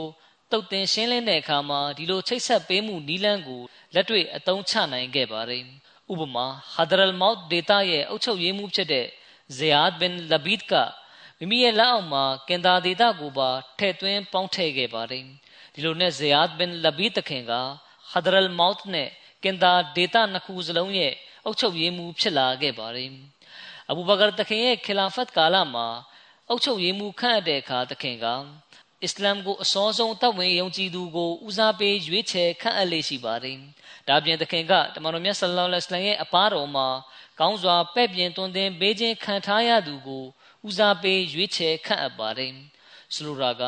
တမန်တော်မြတ်ဆလ္လာလဟ်အလိုင်းရဲ့အနားမှာနေထိုင်ခွင့်ရပြီးကိုရော့စကားတွေကိုကောင်းစွာနာကြားခဲ့ရတဲ့သူတွေကိုဦးစားပေးရွေးချယ်ပါတယ်။ ဒီလိုပြုလုပ်တဲ့နေရာမှာလဲအဘူဘကာတခင်ကတမန်တော်မြတ်ဆလ္လာလဟ်အလိုင်းတတ်တော်ထင်ရှားရှိစဉ်ကကိုရောခန့်ခဲ့တဲ့လူတွေကိုအပြောင်းလဲပြုလုပ်ပြီးခန့်အပ်တာမျိုးလုံးဝမပြုလုပ်ခဲ့ပါဘူးဥပမာတမန်တော်မြတ်ဆလ္လာလဟ်အလัยဟ်ကဝဆာမာတခင်ကိုစစ်တပ်ရဲ့ခေါင်းဆောင်နေနဲ့ခန့်အပ်ခဲ့ပါတယ်တမန်တော်မြတ်ဆလ္လာလဟ်အလัยဟ်ကွယ်လွန်ပြီးနောက်မှာတ ချို့ကအကြီးကဲတာဝကတဦးကိုခေါင်းဆောင်ဖြစ်ခန့်အပ်ဖို့အကြံပြုတင်ပြကြပေမယ့်အဘူဘကာတခင်ကအိုဆာမာတခင်ကိုပဲခေါင်းဆောင်ဖြစ်ခံထားခဲ့ပါတယ်ပြီးတော့အဘူဘကာတခင်ကတဦးကိုခေါင်းဆောင်ဒါမှမဟုတ်အုပ်ချုပ်ရေးမှုဖြစ်ခန့်အပ်ပြီးဆိုရင်ဘသူကတမန်တော်မြတ်ဆလ္လာလဟ်အလัยဟ်ထံကပိုပြီးကောင်းကြီးမင်္ဂလာကိုခံယူရရှိခဲ့တယ်လဲဆိုတဲ့အချက်ကိုလည်းကြည့်ရှုပါတယ်။ ဒါကြောင့်ပဲဘူဘကာသခင်ကများစွာသောခေါင်းဆောင်တွေကိုတောင်းဝင်အသီးသီးအနှင်းတဲ့အခါမကာကိုအောင်နိုင်ခြင်းမတိုင်ခင်ကမွတ်စလင်ဖြစ်လာတဲ့သူတွေကိုဦးစားပေးရွေးချယ်ခန့်အပ်ရခြင်းဖြစ်ပါတယ်။ဒီလိုခန့်အပ်တဲ့အခါမှာအဘူဘကာသခင်ကဘယ်တော့မှမိမိမျိုးနွယ်နဲ့ဆက်ဆက်နေသူတွေကိုဦးစားပေးရွေးချယ်ခန့်အပ်တာမျိုးမရှိပါဘူးဒီလိုခိုင်မာတဲ့စီးမြင်မှုတွေကြောင့်ပဲအဘူဘကာတခင်ခန့်အပ်ခဲ့တဲ့အုပ်ချုပ်ရေးမှုတွေနဲ့ခေါင်းဆောင်တွေက အမြဲတမ်းမိမိတို့မှာရှိတဲ့စွမ်းအားအရေးချင်းအလုံးစုံကိုအစ္စလာမ်နဲ့မွတ်စလင်တွေအတွက်အကောင်းဆုံးအလုပ်ကျွေးပြုခဲ့ကြတာကို တွေ့ရပါတယ်ဒေတာတစ်ခုမှာအုပ်ချုပ်ရေးမှုခန့်အပ်တဲ့နေရာမှာအဘူဘကာတခင်ကဒေသနေပြည်သူတွေရဲ့အမြင်ကိုလည်းလေးစားသမှုပြုခဲ့ပါတယ်။ဥပမာအလာဘင်ဟဒရမီတခင်ကတမန်တော်မြတ်ဆလ္လာလဟ်အလัยဟ်လက်ထက်ကဗာဒိန်ပြည်ရဲ့အုပ်ချုပ်ရေးမှုဖြစ်ပါတယ်။နောက်ပိုင်းမှာသူ့ကိုအကြောင်းတစ်ခုကြောင့်တနေရာသို့စေပို့ခဲ့ပါတယ်။ ဒီနောက်အဘူဘကာတခင်ရဲ့ခလာဖတ်ကာလရောက်ရှိလာတဲ့အခါဗာဒိန်ပြည်သူတွေကတခင်ထံမှာအလာဘင်ဟဒရမီတခင်ကိုမိမိတို့ထံစေပို့ပေးဖို့တောင်းဆိုကြပါတယ်။ဒီလိုကြောင့်အဘူဘကာတခင်ကအလားသခင်ကိုအုပ်ချုပ်ရေးမှုဖြစ်ခန့်အပ်လျက်ဘာရင်းတို့တဖန်ပြန်လဲဆေလွတ်ခဲ့ပါတယ်အဘူဘကာတခင်ကအုပ်ချုပ်ရေးမှုတွေကိုဘလို့ညွှန်ကြားလေးရှိခဲ့ကြောင်းနဲ့ဆက်နွယ်ပြီးရေးသားဖော်ပြပါတယ် တစုံတဦးကိုအုပ်ချုပ်ရေးမှုဖြစ်ခန့်အပ်တဲ့အခါအဘူဘကာတခင်ကသူ့ကိုလိုအပ်တဲ့လမ်းညွှန်ချက်တွေကိုလည်းတပါးရီမှာကြားလေးရှိပါတယ်ဒီကြောင့်နဲ့ဆက်နွယ်ပြီးတေပရီတမိုင်းကျမ်းမှာဖော်ပြလာရှိပါတယ်အမရ်ဘင်အာစ်ဝလီဒ်ဘင်ဥကဘာစသူတို့အားဤသို့ဩဝါဒပေးမိန့်ကြားတော်မူ၏အသင်တို့သည်အတွင်းပြင်အရေးကိစ္စများတွင် အလရှမြတ်အားကြောက်ရွံ့လျက်နေကြပါအလရှမြတ်အားကြောက်ရွံ့ယိုကျိုးသူအတွက်ကဲတင်လွတ်မြောက်ခြင်းလမ်းကို ဖွင့်လှစ်ပေးခြင်းခံရ၏သူထင်မှတ်မျှော်လင့်မထားသောနေရာမှအရှင်မြတ်သည်သူ့အားရဇစ်ရိတ်ခါကိုစောင့်ခြင်းပေးတော်မူ၏အလရှမြတ်သည်မိမိအားကြောက်ရွံ့ယိုကျိုးသူအားသူကျူးလွန်ခဲ့သောအပြစ်များကိုခွင့်လွှတ်ပေးတော်မူ၏ဆိုလိုတာကအရှင်မြတ်ဟာသူ့ကိုခွင့်လွှတ်တော်မူပြီးဆုလက်ချီးမြှင့်တော်မူပါသည်အရှင်မြတ်လူငါတကွာတရားကျင့်သုံးတိဆောက်ခြင်းသည်အရှင်ဗန္တာအစေတော်များနဲ့တဦးနှင့်တဦးအပြန်လန်အကြံပြုတိုက်တွန်းနှိုးဆော်ခြင်းထက် တာလွန်ကောင်းမြတ်၏အသင်တို့သည်ဖျားသခင်ရှင်မြတ်၏လမ်းများနဲ့လမ်းတသွယ်မှရှောက်လန်းသွားလျက်ရှိကြ၏ထို့ကြောင့်သာသနာတော်၏ဂုံရှိန်ဝါနှင့်ပတ်သက်၍၎င်းတိုင်းပြည်အစိုးရကိုကာကွယ်ပေးသည့်အရေးကိစ္စတွင်၎င်းမေလျော့ပေါ့ဆပါကထိုအတွက်ခွင့်လွှတ်ခြင်းမခံရမီပြစ်ဒဏ်ကိုစီရင်ခြင်းခံရပေလိမ့်မည်တို့ဖြစ်ရာပြင်းပေါ့ဆမှုအလင်းမဖြစ်ကြလေနှင့်မုစတရစ်ဘင်ရှီ ဒတ်ကဆင့်ပြန်ပြောပြပါတယ်တမန်တော်မြတ်ဆလ္လာလဟ်အလัยဟ်ကဤသို့မိန့်ကြားသည်ကိုကျွန်ုပ်ကြားခဲ့ရ၏အုတ်ချုပ်ရေးမှုအဖြစ်ခန့်အချင်းခံရသူထံတွင်ဇနီးကျင်ရာတဦးသာလျှင်ရှိရမည်အစေခံမရှိလျင်အစေခံတဦးထားရှိပါလေစရာအိမ်ဆောင်မရှိလျင်အိမ်ဆောင်တစ်ခုကိုယ်တိုင်ဆောက်လုပ်ပါအဘူဘကာတခင်ကမိန့်ကြားတော်မူကြောင်းဖြင့်မုစတရစ်ကဆင့်ပြန်ပါတယ်ဤရာများမှလွဲပြီးအခြားပစ္စည်းတစုံတရာကိုယူသည်ဆိုလျှင် ထိုသူသည်အလွဲသုံးစားပြုသူခိုးဝှက်သူပင်ဖြစ်သည်အဘူဘကာတခင်ကခေါင်းဆောင်တွေနဲ့အုပ်ချုပ်ရေးမှူးတွေကိုဘလို့စစ်ဆေးသလဲဆိုတာနဲ့ပတ်သက်ပြီးဖော်ပြလာရှိပါတယ်အဘူဘကာတခင်ကခေါင်းဆောင်တွေနဲ့အုပ်ချုပ်ရေးမှူးတွေရဲ့ပြုမှုဆောင်ရွက်ချက်တိုင်းကိုစစ်ဆေးကြည့်ရှုလေ့ရှိပါတယ်အကြောင်းကတော့၎င်းတို့ဟာတမန်တော်မြတ်ဆလ္လာလဟ်အလัยဟိဝါစလမ်ထံကကောင်းကြီးမင်္ဂလာတွေကိုခံယူရရှိထားကြသူတွေဖြစ်တာကြောင့်ပါပဲ ဒီအတွက်ကြောင့်ပဲဥမရတခင်ကအသေးဖွဲအမားယွင်ရှိခဲ့ရင်တောင်အဘူဘကာတခင်ထံမှာတောင်းပန်စကားဆိုလေးရှိပါတယ်တိပရီတမိုင်းကျမ်းမှာဖော်ပြလာရှိပါတယ်အဘူဘကာတခင်ကပြုမှုဆောင်ရွက်ချက်တိုင်းကိုစမ်းစစ်ကြည့်ရှုလေးရှိတော်လဲအသေးဖွဲအမားတစုံတရာတွေ့လျင် ခွင့်လွတ်ပေးသူဖြစ်သည်တိပရီတမိုင်းကျမ်းမှာဖော်ပြလာရှိပါတယ်အဘူဘကာတခင်ကမမိခန့်သောအုပ်ချုပ်ရေးမှူးများနှင့်ခေါင်းဆောင်များကို သူတို့အမားကြောင့်အကျဉ်းချခြင်းမပြုလုပ်ပေသို့သောတစုံတဦးကအမားကြီးတစ်ခုကျူးလွန်ခဲ့တယ်ဆိုရင်ထိုသူသည်မိမြပင်ယာဒူးကြီးသူဖြစ်ပါစေတခင်ကတင့်လျော်သည့်အတွင်ဖြင့်တတိပေးနှိုးဆော်မှုပြုလေရှိ၏ဝဟာဂျစ်ဘင်အိုမယာကမွတ်စလင်တို့အားနှောက်ယှက်သောအမျိုးသမီးတဦး၏တွားကို